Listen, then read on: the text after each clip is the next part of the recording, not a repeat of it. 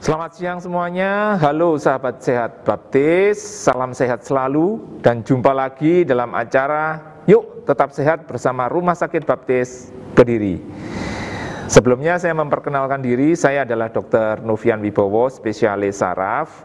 Saya di, bekerja di Rumah Sakit Baptis Kediri sebagai dokter spesialis saraf. Pada kesempatan hari ini saya diminta untuk menjelaskan satu penyakit yang sering sekali dijumpai sehari-hari. Penyakit apa itu?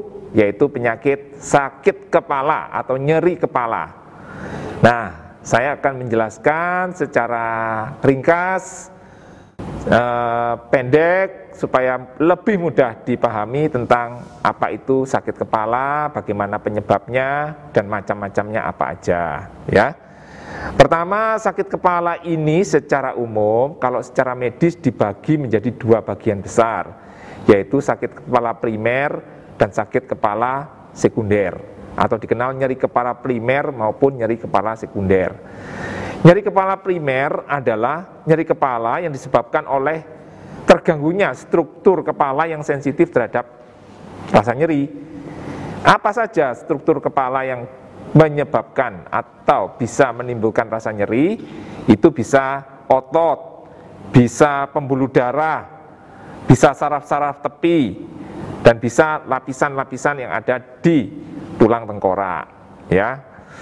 Sakit kepala primer ini merupakan penyebab terbesar dari semua sakit kepala yang ada dalam pasien-pasien sehari-hari.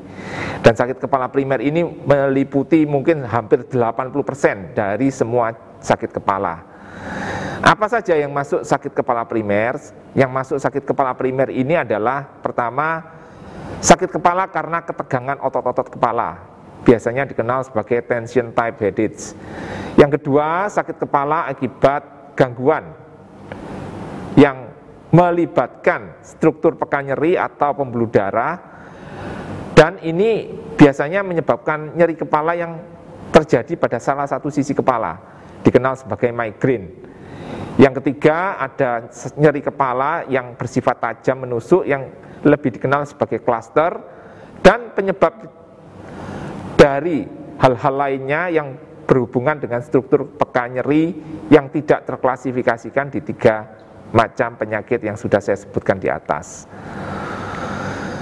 Saya hendak menjelaskan kira-kira Uh, modelnya ya, model dari nyeri kepala yang paling sering terjadi pada pasien sehari-hari. Tadi saya sudah katakan nyeri kepala primer ini memegang 80% dari semua nyeri kepala. Dari nyeri kepala primer ini, nyeri kepala tipe tegang atau tension type headache itu adalah yang paling sering. Jadi kita semua pasti sering mengalami nyeri kepala di mana rasa kepala ini seperti ditekan, rasa berat, rasa nyeri, pada seluruh hampir seluruh permukaan kepala seperti ditekan. Nah, kira-kira seperti itu gambaran nyeri kepala karena tension ya, kurang lebih.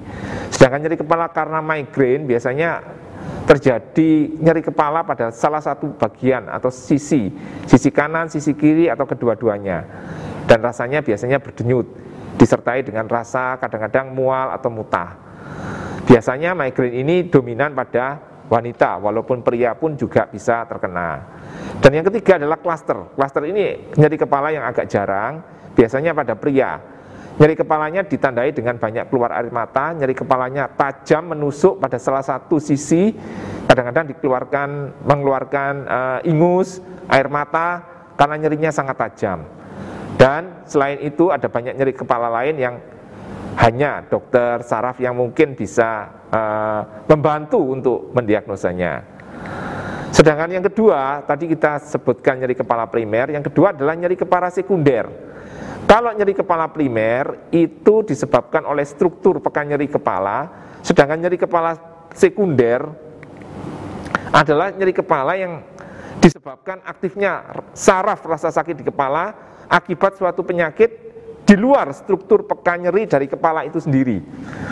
Misal, Nyeri kepala karena adanya gangguan pada otak ya.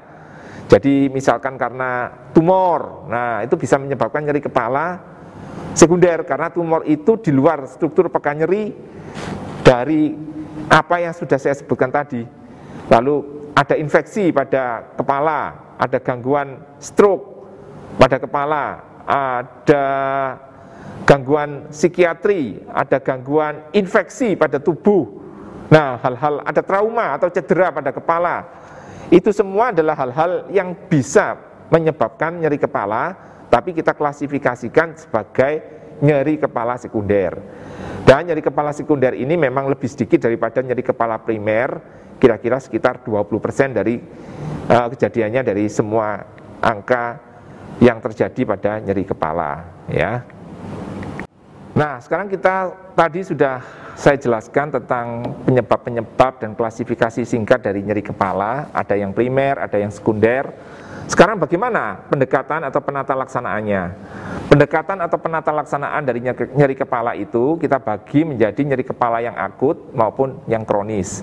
Nyeri kepala yang akut adalah nyeri kepala yang terjadi uh, sewaktu-waktu dan jangka waktunya tidak lama Lalu kita lihat apakah ini masuk nyeri kepala primer atau sekunder. Pada prinsipnya, setiap nyeri kepala perlu kita obati untuk meredakan nyeri kepala itu sendiri. Kadang-kadang ada orang-orang yang tidak minum obat tapi dengan tidur nyeri kepalanya mereda. Tapi ada juga yang memerlukan obat-obatan untuk meredakan nyeri. Nah, pada prinsipnya untuk nyeri kepala yang bersifat kronis, nyeri kepala primer, itu kita memberikan pengobatan dua, dua macam ya. Pengobatan preventif dan abortif. Apa artinya? Pengobatan preventif adalah kita memberikan obat-obatan untuk mencegah supaya nyeri kepala pada pasien tersebut tidak berulang. Karena kadang-kadang nyeri kepala itu sering dan berulang, maka kita berikan obat-obatan untuk mencegah supaya tidak berulang. Mencegah ya. Nah, ada juga obat yang bersifat abortif. Abortif itu artinya ketika dia sedang menderita nyeri kepala, maka kita memberikan obat-obat untuk menurunkan atau mengurangi rasa nyeri yang dirasakan pada saat itu. Jadi kita pendekatan untuk pengobatan nyeri kepala pada prinsipnya ada dua, untuk mencegah supaya tidak sering berulang, dan pada saat terjadi nyeri kepala kita berikan obat anti nyeri sehingga pasien tersebut bisa berkurang atau reda rasa nyerinya. Dan ini biasanya kita lakukan pendekatan ini untuk nyeri kepala primer. Sedangkan untuk nyeri kepala sekunder, Hal yang terpenting adalah mencari penyebab nyeri kepala itu atau pencetus nyeri kepala itu. Misalkan pada pasien yang mendadak nyeri kepala hebat, kemudian ada penurunan kesadaran, kemungkinan dia ada kena stroke dan stroke itu bisa perdarahan atau stroke infak yang luas sehingga bisa menimbulkan nyeri kepala. Jika nyeri kepalanya perlahan-lahan makin lama makin berat dan disertai mual dan mutah yang previous kita curiga bahwa itu adalah tumor.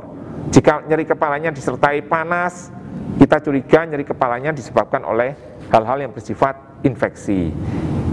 Nah, satu hal lagi yang menarik adalah uh, orang sini biasanya sulit membedakan antara nyeri kepala dengan pusing berputar, ya. Nyeri kepala itu ada rasa berdenyut, rasa nyeri pada kepala, sedangkan orang sini ngomong semuanya dianggap pusing. Dok, saya pusing. Di sini kita harus membedakan nyeri kepala adalah rasa nyeri, sedangkan pusing itu adalah sensasi di mana orang tersebut merasa uh, dunia sekelilingnya berputar atau kehilangan keseimbangan. Pusing ini dalam istilah medis lebih sering dikenal dengan vertigo. Pada beberapa waktu yang lalu saya sempat menjelaskan apa itu vertigo dan beberapa penyebabnya. Jadi kita ketika pasien datang kita harus bisa membedakan kapan itu dia ngomong nyeri kepala dan kapan itu pusing atau rasa berputar. Di situlah dokter akan menanyakan, dokter akan mencari penyebabnya dan setelah mengetahui penyebabnya kita baru bisa memberikan pengobatan yang paling tepat. Oke, kita sampai di dalam sesi tanya jawab. Di sini ada empat pertanyaan yang masuk. Saya akan mencoba membacakan sekaligus langsung menjawabnya, ya. Dok, penanganan yang bagaimana yang aman dilakukan bila sakit kepala? Oke, satu hal yang paling penting adalah ketika kita sakit kepala, tenang dulu, karena sebagian besar sakit kepala itu, sebagian besar ya, tidak berbahaya. Jadi kita menenangkan diri, jangan panik, dan jika kita sakit kepala, Hal yang paling mudah adalah kita bisa mengkonsumsi obat-obat nyeri yang relatif aman. Biasanya obat nyeri yang relatif aman itu paracetamol ya, dijual di warung dan sebagainya. Atau sebelum mengkonsumsi obat itu kita bisa mencoba beristirahat. Jika masih ada nyeri kita mengkonsumsi obat paracetamol dengan dosis yang seperti tertera di kemasan jika dalam waktu dua atau tiga hari nyeri kepala itu tidak berkurang bahkan makin bertambah baru saya sarankan Anda ke dokter terdekat supaya bisa menyeleksi apakah nyeri kepala tersebut perlu penanganan dokter spesialis ataukah uh, tidak karena hanya dokter yang bisa menentukan ini nyeri kepala primer, sekunder setelah pengobatannya. Itu pertanyaan pertama, ya. Yang kedua, obat apa saja yang diminum untuk orang-orang sakit kepala yang aman dan dapat dibeli di toko-toko. Nah, ini tadi sudah saya jelaskan bahwa obat yang relatif aman adalah paracetamol. Itu bisa diminum kalau untuk orang dewasa sehari tiga kali satu tablet dan yang penting sesuai dengan petunjuk yang tertera. Itu adalah obat yang paling aman, ya. Yang ketiga, kapan harus memulai memeriksakan diri ke dokter bila mengalami sakit kepala sekunder? Tadi saya sudah saya sebutkan bahwa ciri-ciri sakit kepala sekunder seperti nyeri kepala hebat mendadak, kemudian disertai adanya penurunan kesadaran, cepat ke dokter, atau nyeri kepala yang lama tapi makin lama makin berat disertai muntah-muntah cepat ke dokter. Atau nyeri kepala yang disertai dengan panas badan yang agak tinggi. Nah ini juga tanda-tanda perlu ke dokter untuk dilihat penyebab nyeri kepalanya sekunder dan sebabnya apa. Itu kira-kira petunjuk yang bisa saya berikan yang terakhir apakah pesan untuk sahabat baptis agar tidak menganggap remeh sakit kepala jadi saya katakan bahwa tetap tenang tidak panik, tapi juga tidak menganggap remeh sakit kepala. Tenang karena sebagian besar nyeri kepala tidak berbahaya, tidak menganggap remeh karena ada bagian-bagian nyeri kepala sekunder yang perlu ditangani segera. Tadi saya sudah memberikan beberapa penjelasan tentang apa-apa nyeri kepala yang perlu mendapatkan perhatian dan ketika sahabat baptis mengalami hal-hal yang meragukan, silahkan kontak di nomor kontak ini untuk bisa melakukan konsultasi dengan dokter-dokter yang ada di Rumah Sakit Baptis. Demikian penjelasan saya tentang aspek-aspek nyeri kepala dan pusing. Sekian, terima kasih. Tuhan memberkati.